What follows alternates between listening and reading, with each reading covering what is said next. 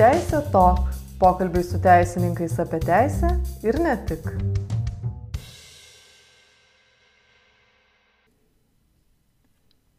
Sveiki.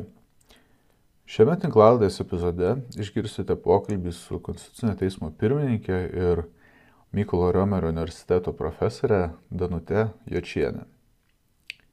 Pokalbio metu su profesorė aptarėme tinklalaidį įprastus klausimus apie pasirinkimą studijuoti teisę ir pirmųjų žingsnių žengimą profesinėme kelyje. Profesorė buvo jauniausia Europos žmogaus teisų teismo paskirta teisėja. Šiame teisme tapo sekcijos pirmininko pavaduotoja, o šiuo metu eina Konstitucinio teismo pirmininkės pareigas, kas yra dar vienas sėkmingos karjeros pavyzdys, su kokiais susidurėme mūsų tinklalaidėje. Kalbant apie pašnekovės sėkmės istoriją, taip pat buvo aptarta moterų lygių galimybių tema, individualaus konstitucinio skundo įneštos naujovės konstitucinėje jurisprudencijoje, jo statusas kaip efektyvios teisų gynimo priemonės žmogaus teisų ir pagrindinių laisvų apsaugos konvencijos prasme ir kiti aktualūs klausimai. Įdomaus klausimo. Labadiena. Šiandien turime e, pokalbį su Konstitucinio teismo pirmininkė, e, Mykolo Romerio universiteto profesorė, daktarė Danutė Jočienė. Sveiki. Sveiki. Tai tradiciškai mes e, šitą pokalbį tinklalaidėje visada pradedam nuo teisinio profesinio kelio ištokų. Tai pirmiausia, noriu užduoti klausimą, kaip pradėjot savo šį kelią ir kodėl būtent į jį pasukote? Nedvėjojate gal į kokią fiziką stoti ar kažkur? Tai aš turbūt niekada net negalvojau studijuoti teisės, kai mokiausi vidurinėje mokykloje. Aš visada norėjau studijuoti lietuvių kalbą ir literatūrą, netgi tris metus besimokydama Viekšnių vidurinėje, kartu mokiausi ir Vilniaus universiteto e, filologijos fakulteto, busimųjų pedagogų fakultete ir baigiau lietuvių kalbą ir literatūrą su rekomendacija studijuoti jau universitete lietuvių kalbą ir literatūrą. Ir mano visi gyvenimo planai pasikeitė per vieną dieną, kai aš, kai mano, sakykime, lietuvių kalbos rašinio tema rajone buvo vertinama ir iš literatūros man buvo parašyta keturi. Ta prasme, tai aš baigiamajame egzaminė mokyklos vidurinės baigimo turiu ketvirtą iš literatūros, tai yra to dalyko, kurį aš labiausiai mylėjau, mokėjau ir, ta prasme, ir kurį žadėjau net studijuoti, sakykime, Vilniaus universitete ir gavau net tą rekomendaciją iš paties Vilniaus universiteto. Ir aš taip supikau tada ant tų vertintojų, kaip jie neobjektyviai įvertino ir per vieną dieną dar draugę pakalbino, kuri studijavo tuo metu jau Vilniaus universiteto teisės fakultete. Ir e, jinai yra advokatė šiandieną gana garsi, tai ta prasme, ta draugė mane pako, m, tiesiog pa, pakalbino studijuoti teisę. Ir aš taip ir atsidūriau teisės fakultete. Ir labai atsimenu, draugės buvo labai geras vienas argumentas. Sako, stojant į lietuvių kalbą, tau reiks laikyti dar literatūros egzaminus. Stojant į teisę, tau reiks laikyti tik tai tris egzaminus, nuo į lietuvių būtų buvę keturi. Tai, va, tai aš taip ir atsidūriau teisės fakultete. Bet niekada gyvenime negalvojau studijuoti, sakykime, teisę. Mhm. Tai patiko tos studijos, kokie buvo pirmieji įspūdžiai, ar pamenat? Taip, aišku, kad turbūt kiekvienas studentas prisimena savo pirmosius įspūdžius. Pavyzdžiui, docentas Cirtautas, kaip per mus per paskaitas mokė, kad, pavyzdžiui, kalbant apie teisės teoriją, principus ir panašiai, kad yra ir dar vienas, pavyzdžiui, principas ar ten koks nors aspektas ir KT, ne, atsakydavo, ir KT. Ir per egzaminą būtinai reikėdavo paminėti, pavyzdžiui, šešius principus ir septintą paminėti ir KT. Taip? Tai va tą labai puikiai atsimenu. Tai iš tikrųjų fakultete tuo metu buvo, nu, sakykime, labai solidus dėstytojai, iš kurių mes mokėmės ilgą, gyven... ilgą laiką, net ir konstitucinėme teisme vėliau, kaip ir, pavyzdžiui, docentas Tačiokas, kuris man dėstė, ir docentas Namavičius, mano dėstytojai buvę.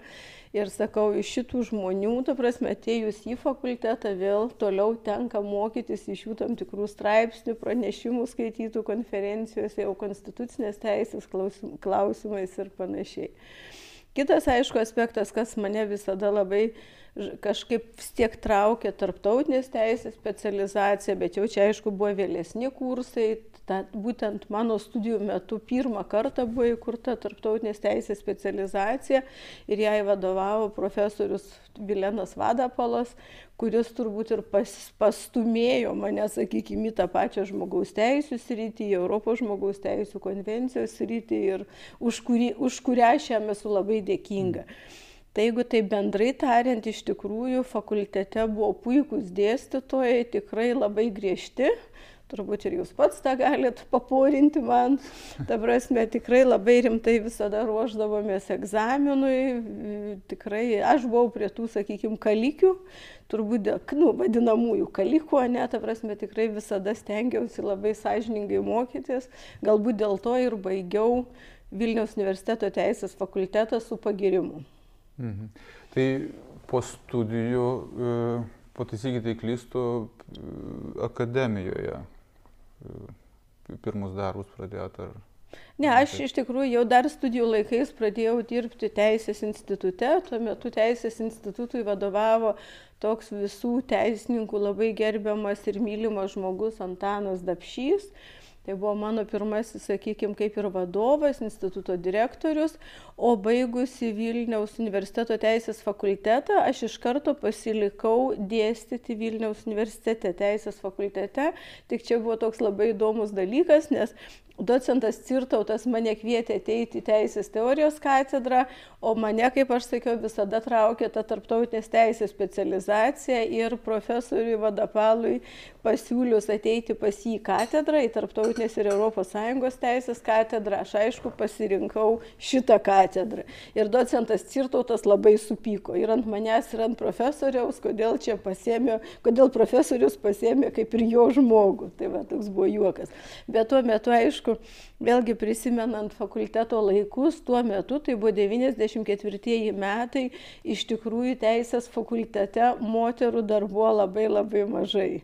Tai buvo viena kita tik dėstytoja moteris, tai man atrodo, jeigu aš teisingai prisimenu, buvo tuo metu dar docentė Drakšienė, buvo Marija Ansivienė, viena iš dėstytojų, ir ponė Dalefoikt. Ir turbūt aš galvau, gal turbūt tik tai ketvirta moteris pasi, palikta katedroje dėstytojauti, bet aš tarptautinės teisės katedroje. Nu, galbūt nenoriu sumaišyti, bet iš tikrųjų noriu tik pabrėžti, kad tuo metu moterų Vilniaus universiteto teisės fakultete dėstančių, sakykime, tam tikrus dalykus tikrai buvo gana nedaug. Mhm. Šiandien moterų teisininkų, teisininkų sektorioje daug užimančių pačias aukščiausias pareigas. Va, tai laikai keičiasi. Bet jūs iš tikrųjų m, mm, ne tik moteriams e, ledus laužėt kelias skynėt, bet ir jauniems žmonėms. Nes e, įdomus va jūsų biografijos faktas, e, berots ar ne jauniausia Europos žmogaus teisų e, teismo teisėja buvote.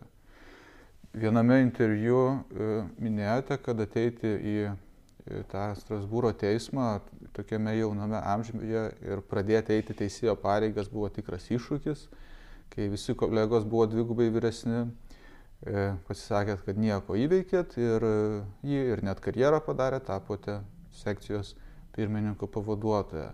Iš ties tai yra iššūkis didelis ir noriu pasiteirauti, kas padėjo jį įveikti.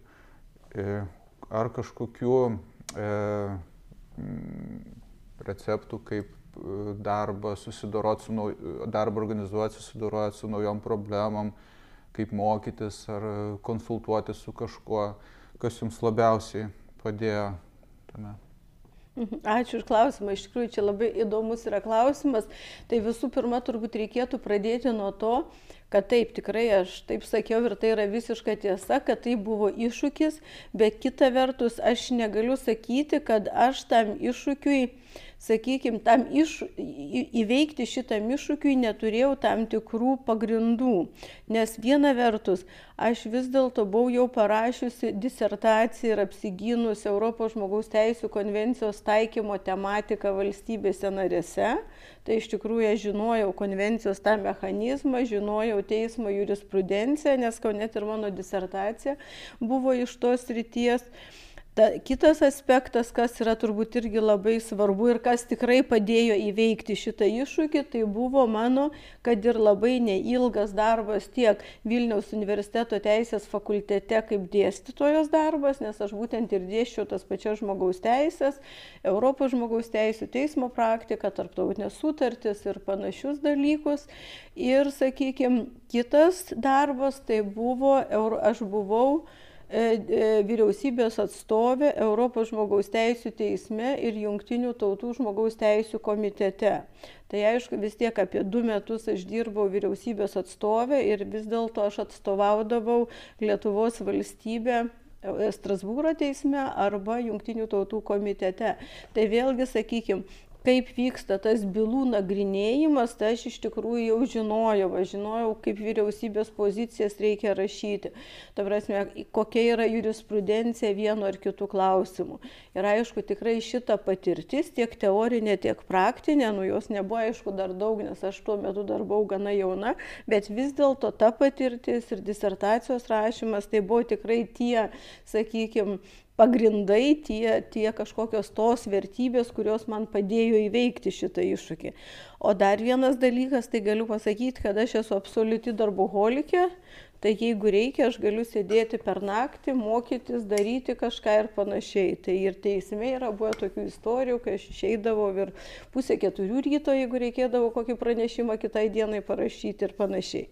Tai turbūt irgi aišku, tas tikrai darbo nebijojimas ir sugebėjimas sėdėti ir susikoncentruoti tada, kai reikia kažką padaryti, tai tikrai yra tos savybės, iš kurių čia net žmonės teisme kartais iš mane, sakykime taip, kad ir pasišaipo, sakė, nesvarbu, kad esat pirmininkė, bet vis tiek sėdit ilgai vakarais teisme. Tai, va, tai čia turbūt tie yra pagrindiniai iššūkiai, kurie padėjo šitą įveikti.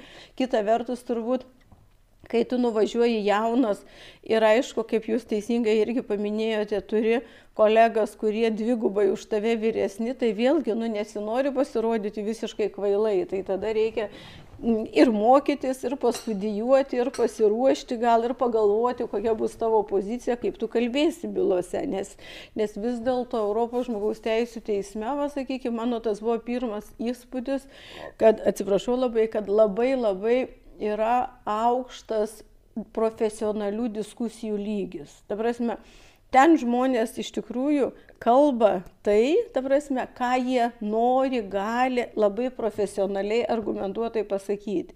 Jeigu tu neturi labai argumentuotos pagristos pozicijos, tai tiesiog yra geriau pritarti pranešėjo pozicijai ir patilėti. Tiesiog pasakyti, kad aš pritariu. Ta prasme, tai va šitas tikrai labai aukštas diskusijų lygis man padarė labai labai didelį įspūdį. Užsiminėt porą dalykų. Viena tai tą vėlyvą grįžimą iš darbo ir jau pakalbėjom apie tą moterų padėtį.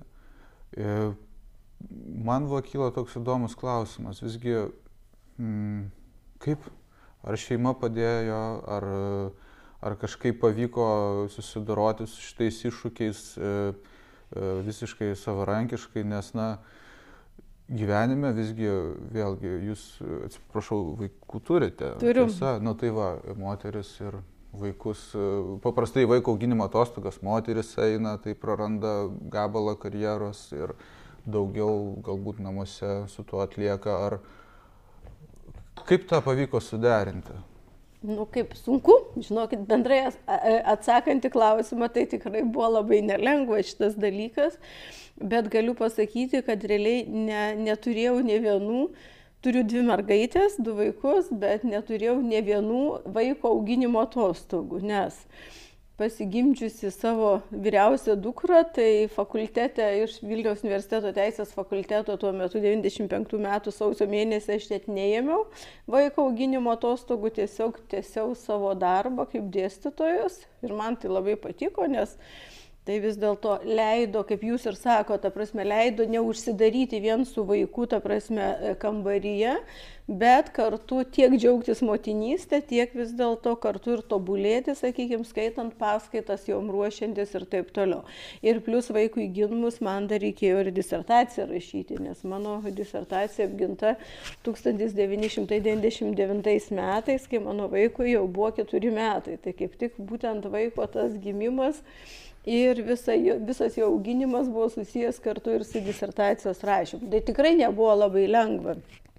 O e, Antras vaikas, kai gimė, tai aš jau buvau Europos žmogaus teisų teismo teisėja ir tuo metu labai yra įdomus aspektas, tuo metu tokių jaunų teisėjų teisme nebuvo ir teisėjams moterims nebuvo numatyta jokių socialinių garantijų tai aš buvau pirmoji teisėja nėščia ir jie nežinojo, ką su manimi daryti, ta prasme, nes jokių atostogų niekas nenumatė.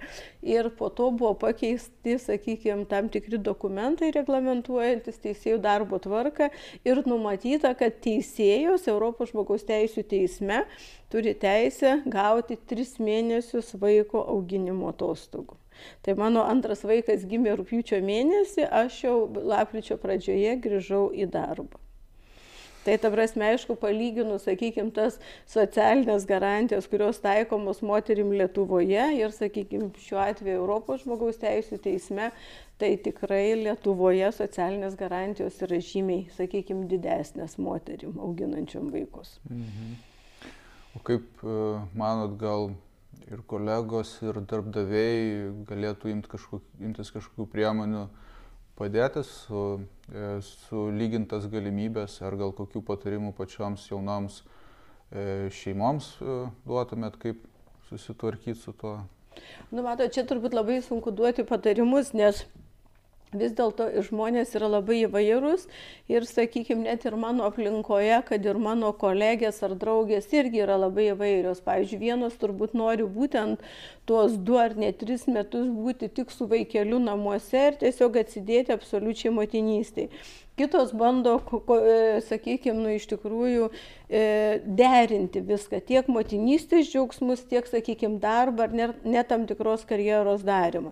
Ir aišku, sakykime, kuris variantas yra geriausias, tai čia turbūt aš tikrai labai drąsiai pasakyčiau, čia priklauso nuo kiekvieno žmogaus pasirinkimo. Dabar aišku, ką galėtų darbdaviai daryti, tai turbūt tai, kas jau yra iš esmės padaryta mūsų, sakykime, įstatymuose. Tai yra ir tos galimybės didesnės mamoms su e, mažamečiais vaikais e, turėti to nuotolinio darbo galimybę, ta prasme, tikrai yra ta galimybė numatyta. Tai yra vaikų žaidimo kambariai, kuriami tam tikrose darbovietėse ir panašiai. Galimybė galbūt dirbti su tais vaikais atsivedusi darbą ir panašiai. Čia aišku vėlgi priklauso turbūt ir nuo darbo pobūdžio, ir nuo funkcijų, ir, ir sakykime, panašiai. Bet kita vertus, kad čia yra ir individualus turbūt kiekvienos moters pasirinkimas. Mhm. Gerai. E, pakalbėkime dar apie E, darbas Strasbūro teisme. E, ten susirenka e, įvairių šalių teisininkai, nu, daugiausia turbūt vis tiek prancūzai, tiesa. Mm, Įvairiai. -hmm. e, tai ar galėtumėt palyginti e, tuos kitų šalių teisininkus, su, su mūsų teisininkais, ar galim kažko pasimokyti, ar yra skirtingas požiūris į darbą, į, į, į pačią teisę, ar, ar skirtumų nelabai pastebėjote. Mhm. Jo, čia jūsų labai ačiū už klausimą, iš tikrųjų labai yra platus klausimas. Tai aš truputį tik pantrinčiau dėl pačio Europos žmogaus teisų teismo ir jo darbo specifikos. Tai Europos žmogaus teisų teismas yra tarptautinė teisminė institucija, kuri veikia Europos lygmenių ir kurį sudaro 46 Europos, e, Europos žmogaus teisų konvencijos e, dalyvių valstybių, sakykime, atstovai. Ne? Tai šiuo atveju yra 46 valstybės, kurios yra Europos žmogaus teisų konvencijos dalyvės. Tai reiškia, kad yra 46 teisėjai iš visų tų Europos žmogaus teisų konvencijos valstybių dalyvių. Taip, o personalas? O personalas, ta prasme, taip, personalas tai yra laikomas kaip Europos tarybos darbuotojais tie teisininkai, kurie dirba. Ir aišku, kokia yra pagrindinė teisininkų funkcija. Teisininkai dažniausiai tai yra tie žmonės, kurie padeda teisėjui įrašyti bylas. Taip?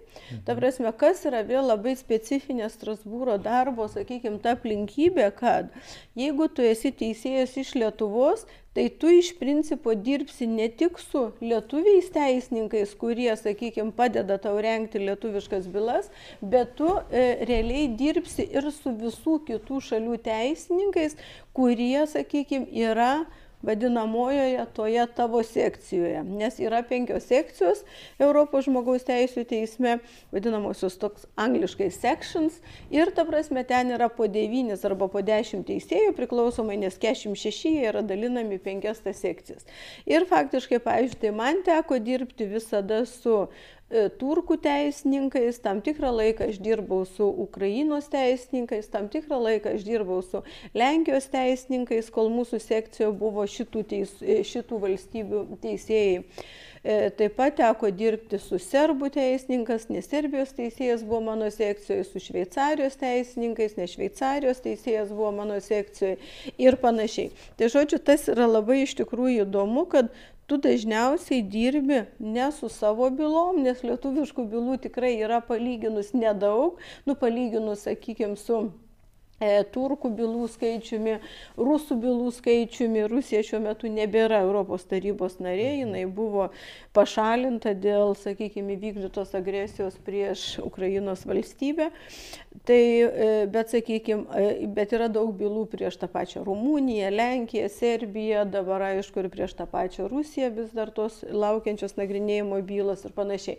Tai ta prasme, tai realiai, kadangi mano sekcijoje buvo didelė valstybė, kaip mes vadindavom, e, E, būdavo e, Turkija, tai realiai turbūt aš kokį 80 procentų mano darbo laiko sudarė turkiškos bylos. Ir ta prasme, ką tai reiškia? Tai reiškia, kad iš esmės aš turkiškas bylas ruoždavau kartu su turkų teisininkais. Tai va jūsų dabar klausimas apie teisininkus, tai tikrai man buvo be galo malonu ir tikrai labai profesionaliai patogu dirbti su turkų teisininkais, nes jie tikrai buvo be galo išsilavinę, be, be galo kompetitingi, be galo profesionalų žmonės kurie baigia mokslus faktiškai garsiausiuose Europos universitetuose ir, ta prasme, kurie puikiai žino, sakykime, turkų teisę ir kurie tikrai būdavo be galo paslaugus bylose. Nes realiai vis tiek, te, ta prasme, aš turkų kalbos nemoku, tai labai reikia daug ir dokumentų išsiaiškinti ir taip toliau. Tai tiesiog kiekvienas tavo prašymas ten išversti dokumentą ar paaiškinti, ką rašo ar panašiai, tai tikrai jis buvo visada labai labai mielai įvykdomas. Ir, sakykime, turkų teisininkai, mano supratimu, tai tikrai tai yra tie žmonės, kurie labai myli savo darbą, labai atsakingai jį daro, daro ir labai gerbia žmonės, su kuriais jie dirba.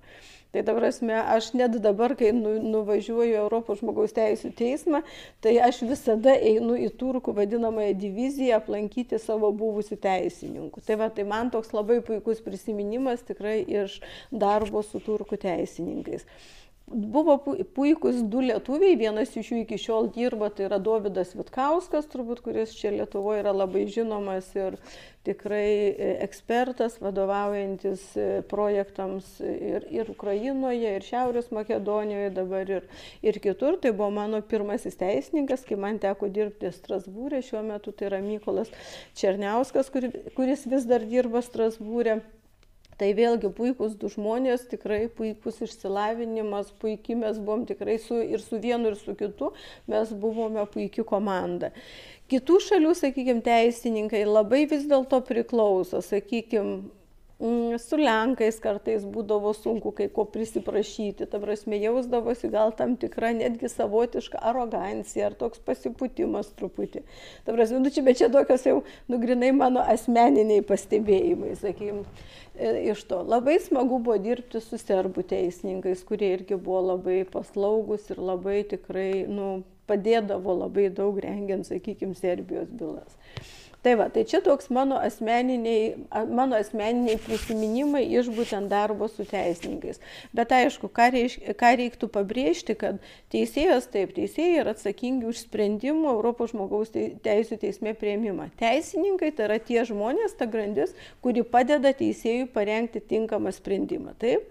Ir faktiškai teisininkai, jie yra labai suinteresuoti savo darbu, savo darbo kokybė ir gerų vertinimų, nes pirmą, jie turi tikrai geras socialinės garantijas, antra, tie pastovus teisininkai turi kontraktą iki gyvenimo galo, trečia, jie gauna tikrai gerą atlyginimą. Suprantate, ta prasme, tai, ta prasme, tai jie tikrai yra suinteresuoti dirbti su teisėjais tiek profesionaliai, nu, nes jiem nėra pagrindo, sakykime, leisti teisėjui suabejoti jo kompetenciją, žiniom ar kažką, nes tiesiog jis turi labai geras socialinės garantijas. Ir tai tikrai rodo, aš, mano supratimu, kad ko kartais Lietuvoje trūksta, ta prasme, kad ir mūsų, sakykime, teismuose iš tikrųjų padėjėjai masiškai bėga iš teismų. Kodėl bėga? Todėl, kad jie, sakykime, darbo yra labai daug, tačiau tos vadinamos socialinės, materialinės garantijos nėra tokios, kurios sulaikytų jauną žmogų užsilaikyti teisme. Tai va čia, sakykime, ką mano supratimu tikrai, ką turėtų investuoti mūsų valstybė, skirdama didesnį finansavimą teismam, tai tikrai sulaikyti kuo daugiau jaunų teisininkų teismuose, iš kurių vėliau išauktų puikų, sakykime, teisėjai.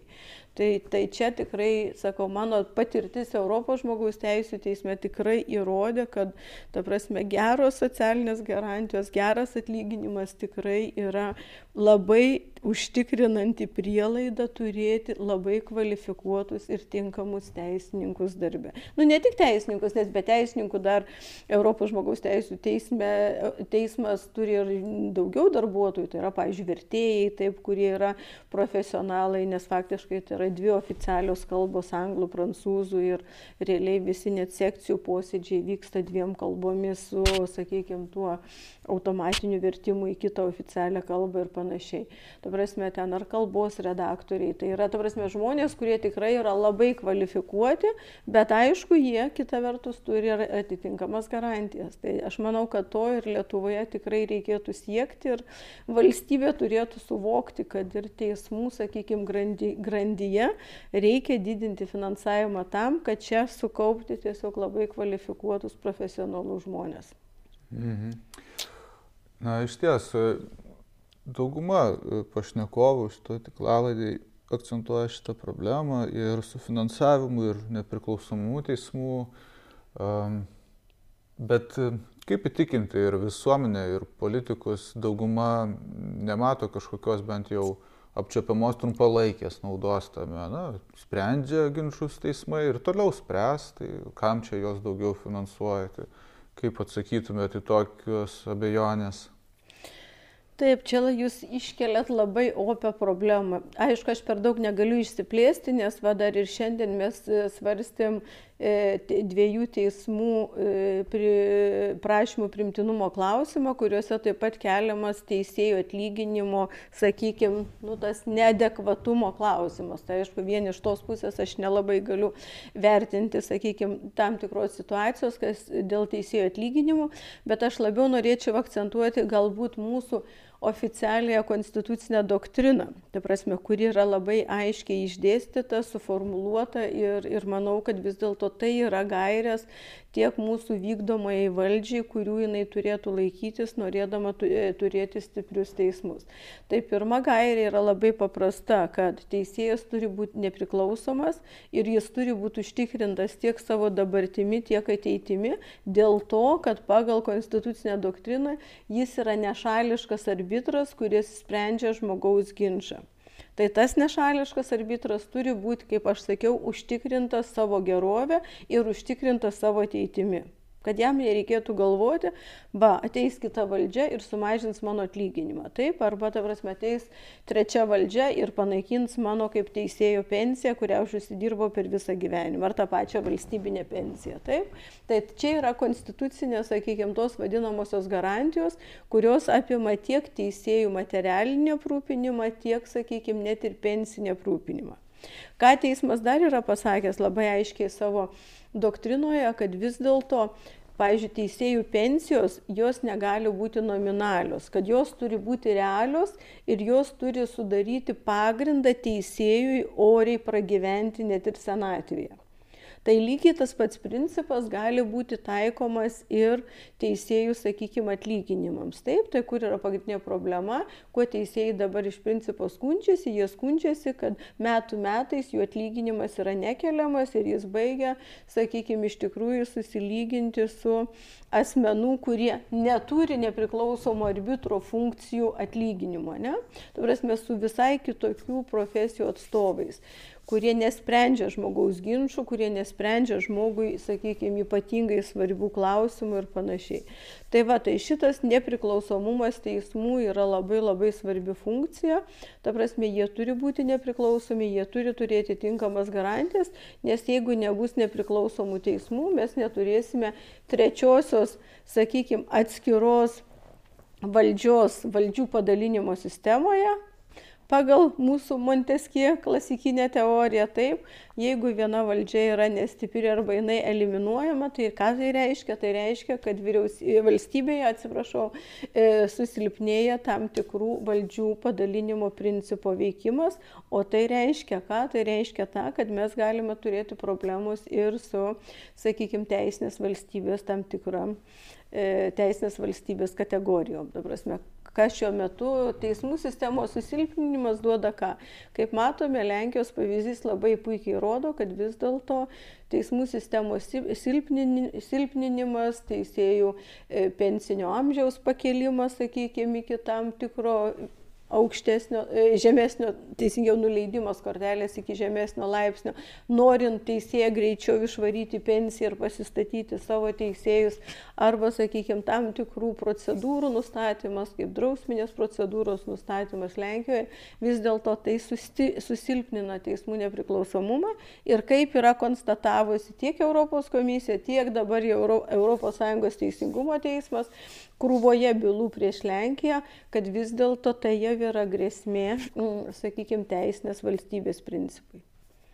Tai va, tai mano supratimu, šiuo metu, kaip jūs labai teisingai pastebėjot, lyg ir nematoma šita būtent grėsmė teisiniai valstybei, bet jeigu teismai bus ir toliau tokioje pačioje padėtyje, kokioje jie yra dabar, tai tikrai turėsime galbūt po penkių metų situaciją, kad teisme nebus teisėjų, kurie galėtų spręsti bylas.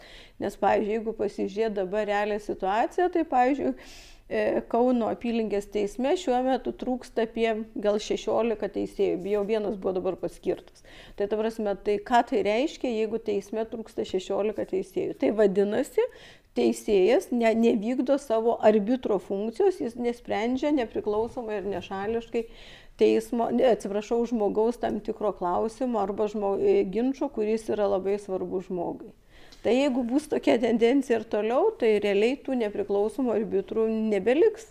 Tai net tai reiškia, nebebus kam vykdyti teisingumo. Arba galbūt ateis kiti žmonės, kurie galbūt sutiks dirbti už mažą atlyginimą, tačiau tada klausimas iškils dėl jų kvalifikuotumo. O mes turbūt ir jūs pats, nu vis dėlto, jeigu jūs turėtumėte kokią nors bylą teisme, tai tikrai norėtumėte, kad ją spręstų tikras nepriklausomas profesionalas, taip, kuris yra arbitras, kuris teisingai, nešališkai ir teisingai išspręs jum kilusi ginčą. Taip, ir dar galėčiau papildyti, norėčiau, kad jis skirtų, ypač jeigu byla didelė, skirtų laiko, gal ir daugiau negu dieną, nors dabar yra labai įprastas krūvis teismuose ordinariniuose, kad uh, Bylų kiekis toks, kad e, vidutiniškai vienai bylai viena diena, į ką įeina ir e, žodinė posėdžio trukmė, ir absoliučiai visi su byla susiję e, procesiniai veiksmai, ir bylos perskaitimas, ir sprendimo nutarties surašymas. Realybėje žinoma, sudėtingesnės bylos gauna daugiau laiko, paprastesnės mažiau, bet e, vis tiek toks vidurkis atrodo mm, gal nepakankamas. Taip, jūs visiškai teisingai sakote, nes iš tikrųjų apie tai, ką jūs kalbate, tai yra vadinamoji asmens teisė į teismą ir teisė į teisingą bylos nagrinėjimą. Taip, teisė į teisingą bylos nagrinėjimą tiek pagal Konstituciją, tiek pagal Europos žmogaus teisų konvenciją apima ir teisę į teismą per įmanomai trumpiausią laiką. Ne?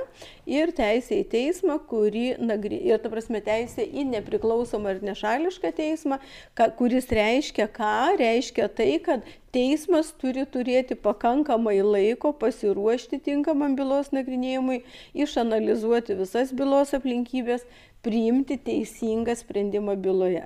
Nes faktiškai ir Konstitucinis teismas yra labai aiškiai pabrėžęs, kad teismo funkcija yra to nepriklausomo arbitro funkcija yra priimti teisingą sprendimą byloje. O tam jam reikia laiko, tam jam reikia išnagrinėti visas aplinkybės, visus įrodymus, pasverti taip, sakykime, byloje esančius interesus ir priimti teisingą sprendimą. O tam, aišku, reikia tikrai laiko. Todėl, ta prasme, tos praktinės problemos, kurios yra keliamos, galbūt jos kažkada pasieks sakykime, ir tą patį Europos žmogaus teisų teismą. Būtent dėl to per didelio krūvio teisėjui, kai jis neturi pakankamai laiko tinkamai pasiruošti bylos nagrinėjimui ir priimti teisingą sprendimą byloje. Taip. Esu paruošęs su tuo šiek tiek susijus irgi klausimą dėl teisėjų atrankos. E, štai ir dabar matome atrankose į aukščiausių pakopų teismus ir į konstitucinį teismą e, Seimo posėdžiuose būna užduodami klausimai, kurie Seimo nariai kandidatams užduoda klausimus, kurie nebūtinai tikrina teisėjų kvalifikaciją, o galbūt tikrina ir jų politinės pažiūras. Būna nestebino tokie klausimai, kaip teisėjas konkrečiai spręstų tam tikrą bylą, pavyzdžiui, dėl to, ar konstitucija e, leidžia ar reikalauja įteisinti partnerystę ir panašiai. E, tai šitame vertinime teisėjo trunkoje e, atsiranda tokie pora kriterijų - ir kvalifikacija, ir politinės pažiūros. Kaip Jūs vertintumėt šitų kriterijų santyki? Ar, ar gal galime prognozuoti, kad vis toliau politinės pažiūros kandidatams, e, kandidatų trunkoje turės didesnę reikšmę ar gal mažiau, e, ar apskritai gal, gal ir negalima atsižvelgti tas pažiūras, tik kvalifikaciją, ar turit komentarų šituo klausimu? Tai aišku, turbūt idealiausių atvejų mes visi norėtume, kad būtų vertinama tik kandidato profesiniai gebėjimai, jo kvalifikacija, jo kalbų mokėjimo lygis, šiaip išprūsimo lygis ir panašiai. Bet aišku, sakykime, ta tam tikra teisėjų skirimo e, procedūra yra nustatyta netgi ir konstitucijoje, ir, sakykime, įstatymuose. Ir čia mes matyt nuo jos negalime pabėgti. Dabar, aišku, sakykime, jeigu žiūrėt kandidatų, ko, sakykime, tuos klausinėjimus arba, sakykime, frakcijose arba Seimo plenarinėme posėdėje, tai aišku, reiktų atkreipti dėmesį, kad Konstitucinis teismas yra išvystęs tokią Seimo nario laisvo mandato principą, kuris reiškia, kad ir Seimo narys vis dėlto tiek balsuodamas, tiek vykdydamas kitas Seimo nario pareigas, jis turi elgtis sutinkamai su konstitucija ir su įstatymais. Tai mano supratimu, jeigu mes žiūrėtume šitą Seimo laisvo mandato principą, tai jis apimtų ir Seimo narių pareigą užduoti tinkamus profesionalius klausimus ir kandidatams į teisėjus. Tačiau, aišku, turbūt subjektivizmą mes niekada negalime pašalinti ir, aišku, turbūt yra liūdniausia žiūrėti arba stebėti situacijas, kai žmogus yra labai, sakykime, kvalifikuotas, tačiau jis nepraeina tos Seimo kortelės vien dėl vieno ar kito klausimo, arba vien dėl to, kad jis galbūt prijaučia ar neprijaučia tam tikrai politiniai partijai ar tam tikrai, sakykime, nežinau, koalicijai, kuri tuo metu, ta prasme, vyrauja e, mūsų įstatymų leidžiamojoje valdžioje. Tai va, aišku, tai yra iš tikrųjų liūdni dalykai, man sako, labiau norėtųsi, aišku, kad būtų tikrai daugiau profesionalumo. O kaip tai pasiekti, turbūt vėlgi mes visi esam žmonės ir visur susidurėme su tam tikru ir, ir e, subjektivizmu. Bet sakau, tikrai mano, man labai norėtųsi, kad būtų labiau vertinama tik kvalifikacija ir tik profesionalumas. O kaip apibūdintumėt e, kvalifikuotą profesionalų teisėją gerą, galbūt ir tokį nebūtinai realų, tokį utopišką nepriekaištinga teisėja? Oi, labai, labai įdomus klausimas. Ta prasme, man tai geras teisėjas yra tas, kaip aš jums jau sakiau, kuris turi pakankamai laiko įsigilinti visas bylos aplinkybės, Jeigu reikia pasiskaityti ir daug teorinių žinių iš šalies, pasiskaityti kitų valstybių praktiką, pasiskaityti ES teisingumo teismo praktiką, Europos žmogaus teisų teismo praktiką ir klausydamas tik įstatymo, kaip mes sakom, ir tam tikrų, sakykime, protingumo, sažiningumo ir visų kitų principų, jis primtų teisingą sprendimą byloje. Vėlgi, e, kaip aš sakiau, teisėjas turi veikti kaip nepriklausomas arbitras, kuris priima teisingą sprendimą byloje. Tas teisingas sprendimas, vėlgi, nebūtinai jis turi patenkinti abi šalis, nes yra dvi ginčio šalis ir viena visada bus nepatenkinta. Tačiau vis dėlto teisingas sprendimas reiškia, kad teisėjas miega ramę sąžinę, kad jis tikrai padarė viską byloje ir bylą išsprendė tiek pagal įstatymo raidę, tiek, sakykime, pagal protingumo kriterijų ir panašiai. Aišku, galbūt ne kiekvienu atveju tai teisėjų yra leidžiama, nes yra tam tikros ir imperatyvos, imperatyvos įstatymo nuostatos ir panašiai. Todėl sakau, idealiu atveju tai yra nepriklausomas arbitras, teisingai sprendžiantis bylą, kuris yra užtikrintas tiek savo atlyginimu, tiek savo būsima gerovė, tai yra pensijos atveju. Tai yra man teisėjo idealas. Mhm. O kaip išsaugoti tą motivaciją?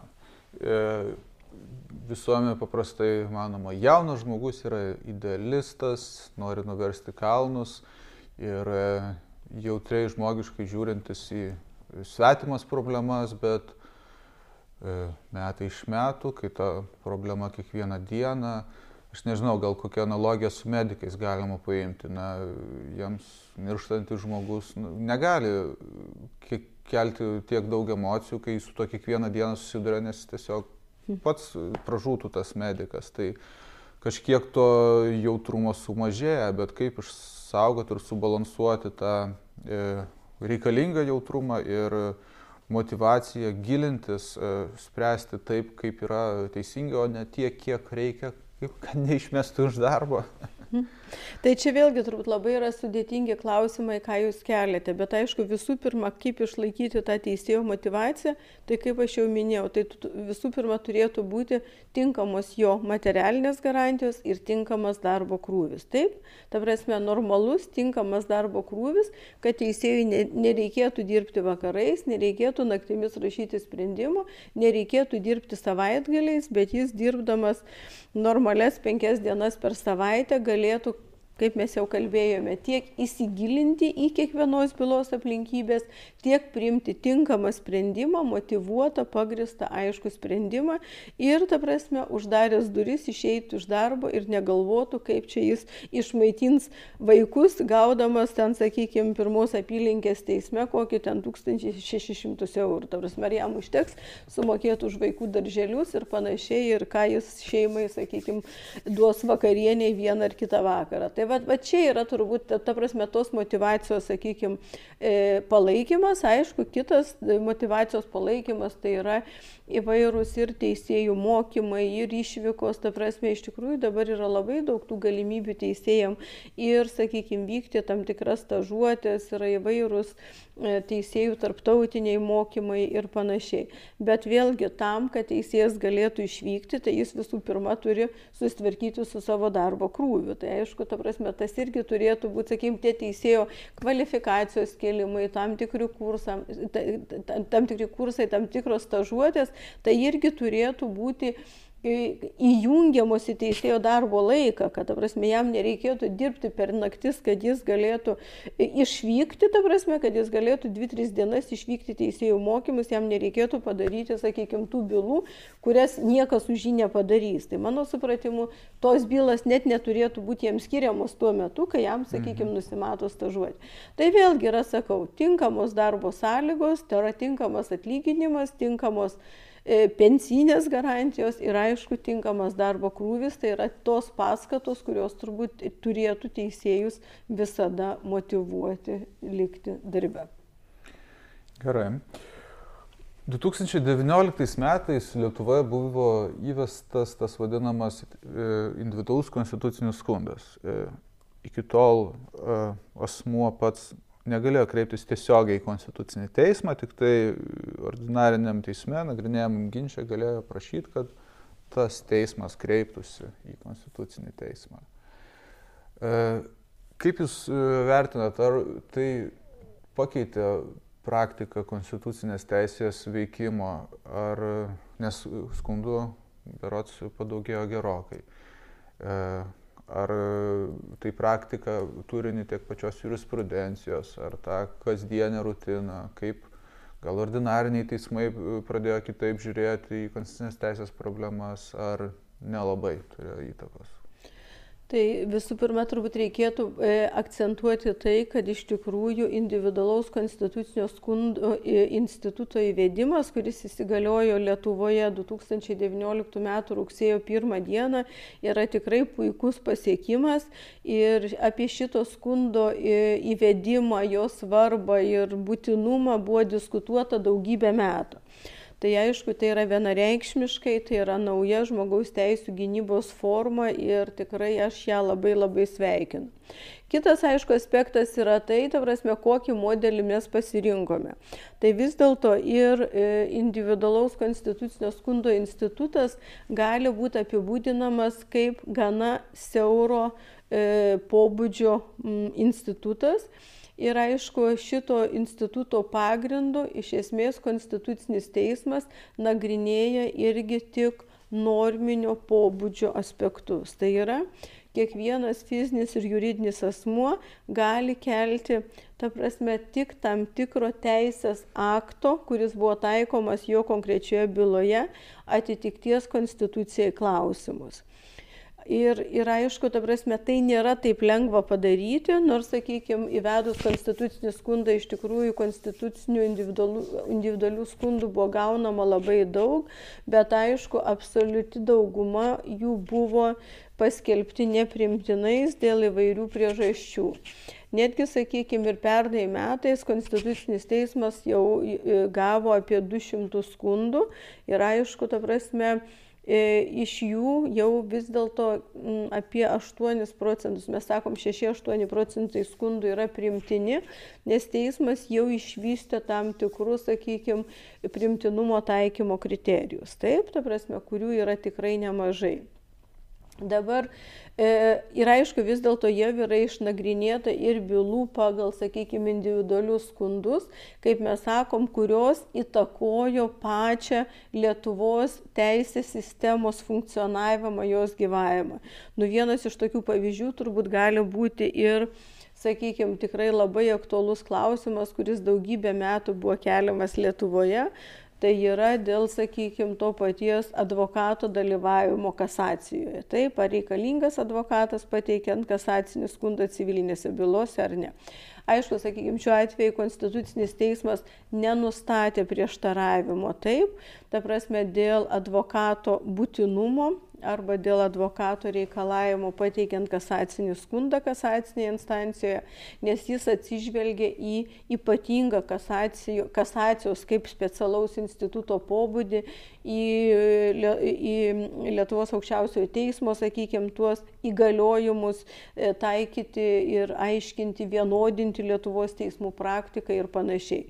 Ta prasme, tai šitą bylą, sakau, nors jinai tikrai padėjo tašką labai daugybę metų besitęsiančioje diskusijoje, taip, ta prasme, tai jinai irgi atnešė tam tikrą stabilumą, teisinį tikrumą mūsų teisės sistemoje, nes viskas. Konstitucinis teismas padėjo tašką šiuose diskusijose. Advokatas civilinėse bylose kasacijos procese yra reikalingas. Taip. Kitas pavyzdys būtų, sakykime, dėl e, to paties pirma mūsų byla pagal individualų konstitucinį skundą dėl e, architektų narystės architektų rūmose. Taip, ta prasme, tie architektai, kurie e, nesiverčia e, licenzijuota, sakykime, architekto veikla, jie nenorėjo mokėti tam tikro mokesčio architektų rūmams. Šitoje byloje buvo nustatytas prieštaravimas konstitucijai dėl, sakykime, įstatymę nustatytos pareigos mokėti E, tą būtent e, architektų rūmams mokestį nesiverčiant licencijuotą mm, architekto praktiką. Tai ką tai reiškia? Tai reiškia, kad šitas žmogus, kuris iškėlė šitą problemą, jis iš esmės padarė gerą darbą ir kitiem architektam, kurie taip pat nesiverčia, sakykime, tą architekto veiklą. Taip, jie, šie žmonės gali nemokėti dabar mokesčio. Konstitucinis teismas būtent pateisina tokį mokesčio nemokėjimą, jeigu tu nesiverti licencijuotą veiklą. Ir daugelis kitų kitų bylų, kurios aiškiai rodo, kad individas, sakykime, iškeldamas vieno ar kito teisės akto atitikties konstitucijai klausimą, jis kartu padeda ir kitiem asmenim, kurie yra analogiškoje situacijoje, išspręsti savo vieną ar kitą situaciją. Ir tai yra, aišku, iš tikrųjų labai teigiamas dalykas, nes, ta prasme, nes kitiem žmonėm, kurie yra tokioje pat situacijoje, jiem jau nebereikia įti konstitucinį teismą, nes šitas klausimas jau yra išspręstas. Ir aišku, e, sakykime, dažniausiai tai yra įstatymų leidybos organas, tai yra mūsų Seimas, turi atitinkamai reaguoti į vieną ar kitą konstitucinio teismo nutarimą individualūs konstituciniai skundai, mano supratimu, yra labai svarbi žmogaus teisų gynybos priemonė. Dabar, aišku, yra, e, dabar kyla tik vienas klausimas, ar individualus konstitucinis skundas e, gali būti pripažintas efektyvia teisinės gynybos priemonė Europos žmogaus teisų teismo 13 straipsnio ir ten 35 straipsnio pirmosios dalies prasme. Tai paprasčiau sakant, kyla klausimas, ar individualus konstitucinis skundas turi būti išnaudotas kaip veiksminga priemonė, jeigu jinai tokia yra, prieš kreipiantis į Europos žmogaus teisų teismą. Nes čia yra toks labai vienas įdomus dalykas, nes tiek po galutinio sprendimo tiek kreiptis į Europos žmogaus teisų teismą, tiek kreiptis į konstitucinį teismą, dabar jau yra numatytas tas pats keturių mėnesių terminas. Tai jeigu mes individualų konstitucinį skundą laikome efektyvę priemonę, tai reiškia, kad Lietuvoje žmogus turėdamas galutinio teismo sprendimą, šiuo atveju aukščiausio teismo arba vyriausio administracinio teismo sprendimą, jis dar privalėtų kreiptis į konstitucinį teismą per keturis mėnesius ir išnaudoti šitą konstitucinį skundą kaip veiksmingą priemonę. Kol kas šiuo metu konstitucinis skundas nėra laikomas efektyvę priemonę arba veiksmingą priemonę konvencijos 13 straipsnio prasme. Tai tai, ką tai reiškia tada, tai reiškia, kad žmogus turėdamas galutinio Lietuvos teismo sprendimą gali per keturis mėnesius kreiptis net ir gali, ir, ir gali tik per keturis mėnesius kreiptis tiek į Europos žmogaus teisų teismą, tiek į Konstitucinį teismą. Tai daug, čia... daug išlaidų advokatams. Taip, bet, prasme, nu čia jau turbūt vėlgi tai priklauso nuo ir pačio advokato, nes turbūt ne visose bylose galime kreiptis į konstitucinį teismą ir taip pat lygiai taip pat ne visose bylose galime kreiptis į Europos žmogaus teisų teismą. Taip, nes mhm. vis dėlto teisės, kurios yra ginamos konvencijoje, jos nėra beribės, o konstitucinis teismas, kaip aš minėjau, ir pagal individualius skundus sprendžia tik tai norminio akto atitikties konstitucijai klausimas. Ne fakto klausimas, ne žmonių klausimas, ne kažkokios tam tikros situacijos klausimas, bet būtent normos atitikties konstitucijai klausimą. O tai jeigu paraleliai vyktų procesai abiejose teismuose mhm. ir, tarkim, konstitu... Liet Lietuvos, Lietuvoje būtų apgintos žmogaus teisės e, pirmiau negu kad ŽTT išnagrinėja, tai ŽTT ką tada nutrauktų bylą? Ar sunku pasakyti. Tai čia turbūt reikėtų žiūrėti, koks būtų, sakykime, konkretus sprendimas byloje, tu prasme, priimtas, kad ir to paties konstitucinio teismo ir aišku, koks aspektas būtų keliamas Europos žmogaus teisų teisme. Nes galbūt Europos žmogaus teisų teisme tam tikras aspektas būtų keliamas plačiau ir tada jau tiesiog sunku labai atsakyti tokį bendrą klausimą. Mm. Nes šiaip tipiškas kelias būtų, jeigu konstituciniam teisme individualus skundas kaip ir pripažįstamas pagristų, tai tada e, teisminis nagrinėjimas ordinariniam teisme atnaujinamas. Taip. Tai, tai kaip tada ŽTT turėtų traktuoti, kad gynybos priemonės toliau vis dar naudojamos, tai jie tada ką gali pripažinti pažeidimą, nors dar nesibaigęs teisminis procesas individualaus ginčio. Įdomiai. Ne, tai dabar situacija yra kol kas labai paprasta. Aš čia jums iškėliau labai daug galimų situacijų, bet kol kas situacija yra labai paprasta. Kol kas Europos žmogaus teisų teismas nėra pasakęs, kad individualus konstitucinis skundas yra veiksminga gynybos priemonė pagal konvenciją. Taip? Ką tai reiškia? Tai reiškia, kad žmogus neturi kreiptis į konstitucinį teismą Taip. tam, kad jis galėtų kreiptis į Strasbūrą. Tai dabar pagal šitą, sakykime, situaciją iš tikrųjų vyksta du atskiri procesai - konstitucinėme teisme ir Europos žmogaus teisų teisme. Tai yra du procesai. Kai kada nors Europos žmogaus teisų teismas pasakys, kad šita priemonė yra veiksminga, efektyvi, tai tada, ką jūs ir sakėte, jeigu teismas išnagrinėtų ir primtų sprendimą, kad yra pažeidimas, konstitucinė institucijos, kurio pagrindų byla galėtų būti atnaujinama ordinariniuose teismuose, tada taip Europos žmogaus teisų teismas galėtų nebetesti bylos nagrinėjimo ten, bet jis ten turėtų atsakyti klausimą, ar pareiškėjas vis dar gali ar negali būti laikomas auka kon konvencijos pažeidimo kontekste. Mm. Rantat? O neteko sutikti, ar ten neišskiria kažkokių fakultatyvių veiksmingų gynimo priemonių, kurios E, nėra būtinos, bet kreipimasis jas sustabdo terminą Ne, tokių terminų nėra. Pagal Europos žmogaus teisų konvencijos 13 straipsnį ir 35 straipsnį yra labai aišku, kad asmo prieš kreipdamasis į Europos žmogaus teisų teismą turi išnaudoti veiksmingas vidaus gynybos priemonės. Kas yra veiksmingos priemonės, teismas labai aiškiai pasako, sakykime, savo praktikoje ir kol kas Lietuvos teisės prasme tai yra veiksmingos priemonės, tai yra Lietuvos ordinariniai teismai. Nors, pavyzdžiui, yra pabrėžęs Teisės Europos žmogaus teisų teismas, kad ir kreipimasis į ombudsmeną yra labai, e, nu, kaip ypatingai svarbi žmogaus gynybos priemonė, tačiau jinai nėra laikoma veiksminga konvencijos prasme. Mhm.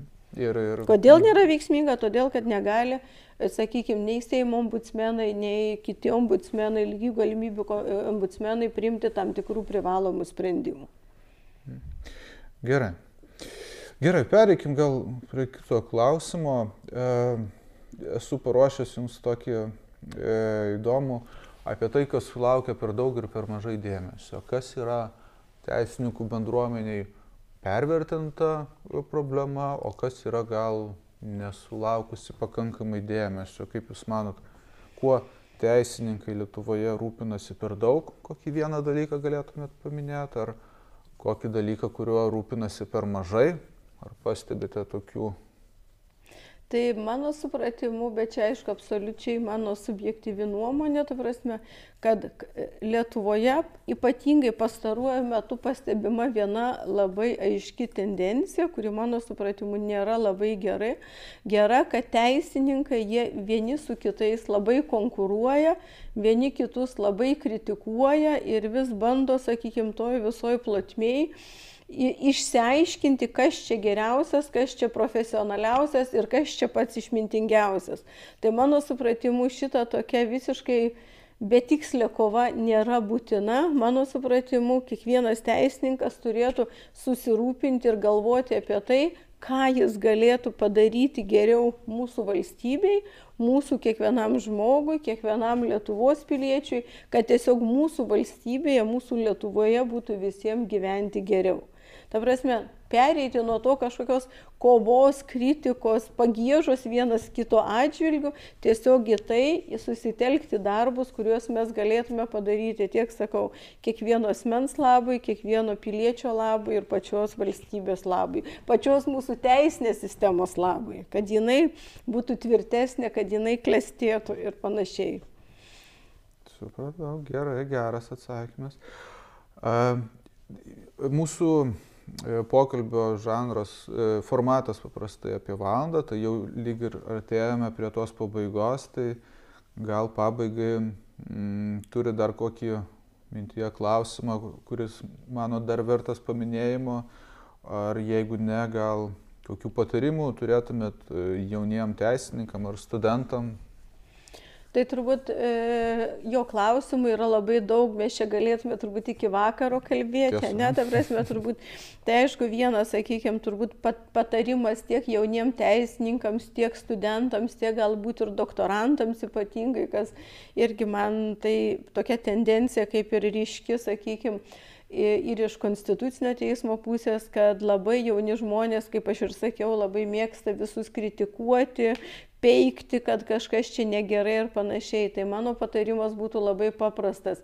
Iš tikrųjų, pirmiausia, labai įsigilinti problemą, labai išanalizuoti, sakykime, tam tikrą aspektą, kad ir nesvarbu, ar konstitucinio teismo nutarimą, ar kito teismo kažkokį, sakykime, sprendimą labai detaliai atsižvelgti visus išdėstytus argumentus ir galbūt tik tada sakyti savo nuomonę. Nes vėlgi, sakykime, aš tikrai esu už nuomonės reiškimo laisvę ir demokratiją ir pluralistinę visuomenę, bet, sakykime, tos tikrai tie neigiami komentarai, tam tikros nuomonės, kurios tikrai labai dažnai yra nepagristos, tai vėlgi, nu, neįneša svorio pačiai teisininkų visuomeniai. Tai mano supratimu, ypatingai jauni žmonės, norėdami kažką kritikuoti, tai turėtų tikrai labai labai įsigilinti ir ta kritika turėtų būti solidi, argumentuota, racionali ir panašiai.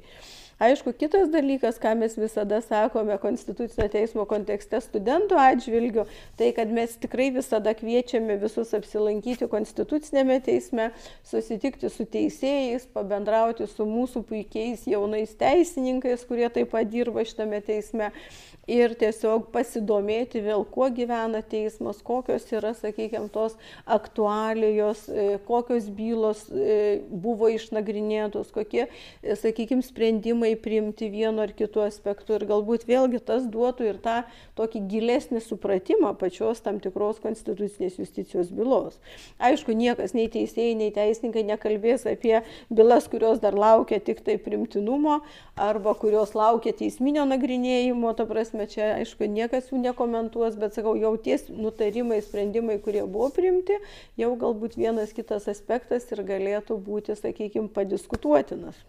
Aha. Tai aš tiesiog jauniems žmonėms visada linkiu, kad būkite tik smalsus, domėkitės, eikite į priekį, bet jeigu kritikuojate, tegu jūsų kritika visada būna labai pagrista, racionali ir grista ne tik asmeninėmis ambicijomis, bet ypatingai svariais teisiniais argumentais. Nes būtent tai yra mūsų teisinės valstybės idėja, kai mes ar, e, diskutuojame, sakykime, ne ambicijomis, ne viens kito kažkokiam asmeniniam savybėm remdamiesi, bet būtent pagristais logiškais argumentais. Ir čia pabaiga jokiais, tai prisiminsiu va, Vilniaus universiteto teisės fakulteto docento Algirdo Taminsko žodžius. Jis man konstitucinėme teisme visada sakydavo, Danutė, čia ginčiamės ne mes, čia ginčiasi mūsų teisiniai argumentai. Tai va, tai aš ir palinkėčiau visiems ginčytis būtent teisiniais argumentais. Puiku. Tai ačiū labai už pokalbį. Iki ačiū Jums labai, ačiū Jums labai už, už dėmesį ir už klausimus. Su Jumis buvo laida Teisė Tok. Laidos įrašus galite rasti portale Teisė Pro. Ačiū ir iki kito karto. thank you